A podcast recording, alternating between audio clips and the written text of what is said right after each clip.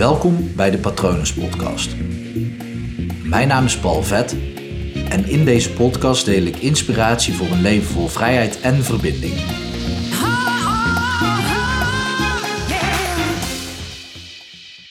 Laten we eerlijk zijn, soms is er toch zo'n moment dat je je gewoon heel even wil verstoppen onder een deken. Gewoon echt even weg wil duiken Even weg van wat er allemaal speelt in je leven. Even weg van alle ruis.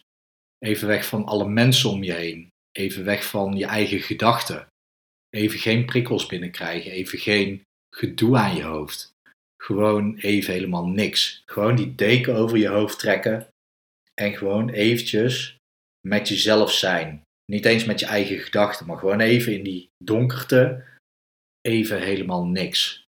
Zo fijn is dat even in je eigen wereld, maar niet volledig in je eigen wereld, even in het niks zijn. En soms denken mensen wel eens, en dat gebeurt ook vaak op deze manier, dat als je dat doet, dat je dan even de waarheid niet wil zien.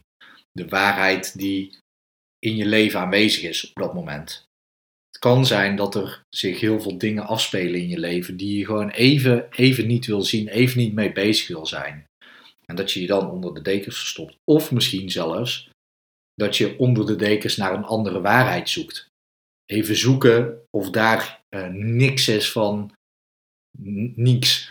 niks is een uh, verbastering van niets en niks samen. Even kijken of dat daar niks is. Niks van al die dingen die zich afspelen in je leven. Het zou fijn zijn als dat ook waarheid is. Dat de dingen die je liever niet wil in je leven, dat als je onder je dekens kijkt, dat ze opeens niet meer zijn. Maar wat er ook aan de hand is, is dat op het moment dat je onder de dekens kijkt, dan is er even geen ruis. En vaak is dat ook het probleem, ik wil het wel een probleem noemen, van als je kijkt naar je leven, als er zich één ding afspeelt, dan is het al moeilijk om dat probleem zuiver zo te zien als dat probleem. Ons brein is gemaakt om er een verhaal bij te verzinnen, om ja, er, moet een begin en een eind zitten, en aan zitten en een midden en een gevolg. En op het moment dat je dat aan het bedenken bent, je brein accepteert eigenlijk geen lege gaten.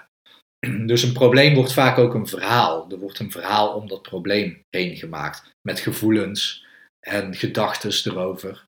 En door die gedachten dan kan het probleem nog groter worden. En als je dat met één probleem doet, dan valt dat nog wel te overzien. Maar als je meerdere dingen in je leven hebt die spelen, ik noem het nu dingen, dat kunnen problemen zijn, maar het is beter om het geen problemen te noemen, want problemen klinkt al meteen zwaar en dat is dus hoe je brein werkt en er dat van maakt, want je brein is altijd gefocust op dat wat er niet goed gaat. Dat is ons overlevingsinstinct, dat is logisch. Maar op het moment dat er dus zeg drie of vier dingen spelen in je leven, dan gooit je brein dat ook nog eens op, op één hoop. Dus dat stapelt zich op. Dan heb je opeens heb je dus niet vier losse problemen naast elkaar, maar je hebt vier problemen op elkaar. En dat is een hele grote berg die je dan hebt aan problemen. Dat zou al lastig zijn. Maar op het moment als jij denkt aan die berg problemen, dan ga je er ook nog eens van maken dat je vier bergen problemen hebt. Want zo werkt je brein. Super onhandig. Dus van vier kleine problemen, misschien zijn ze wel groter, maar van vier problemen die je gewoon kan zien als sec het probleem. Maak je brein ervan, oké, vier problemen op elkaar gestapeld, dus een hele grote berg problemen. En je hebt er vier, dus dan heb je vier bergen met vier grote problemen.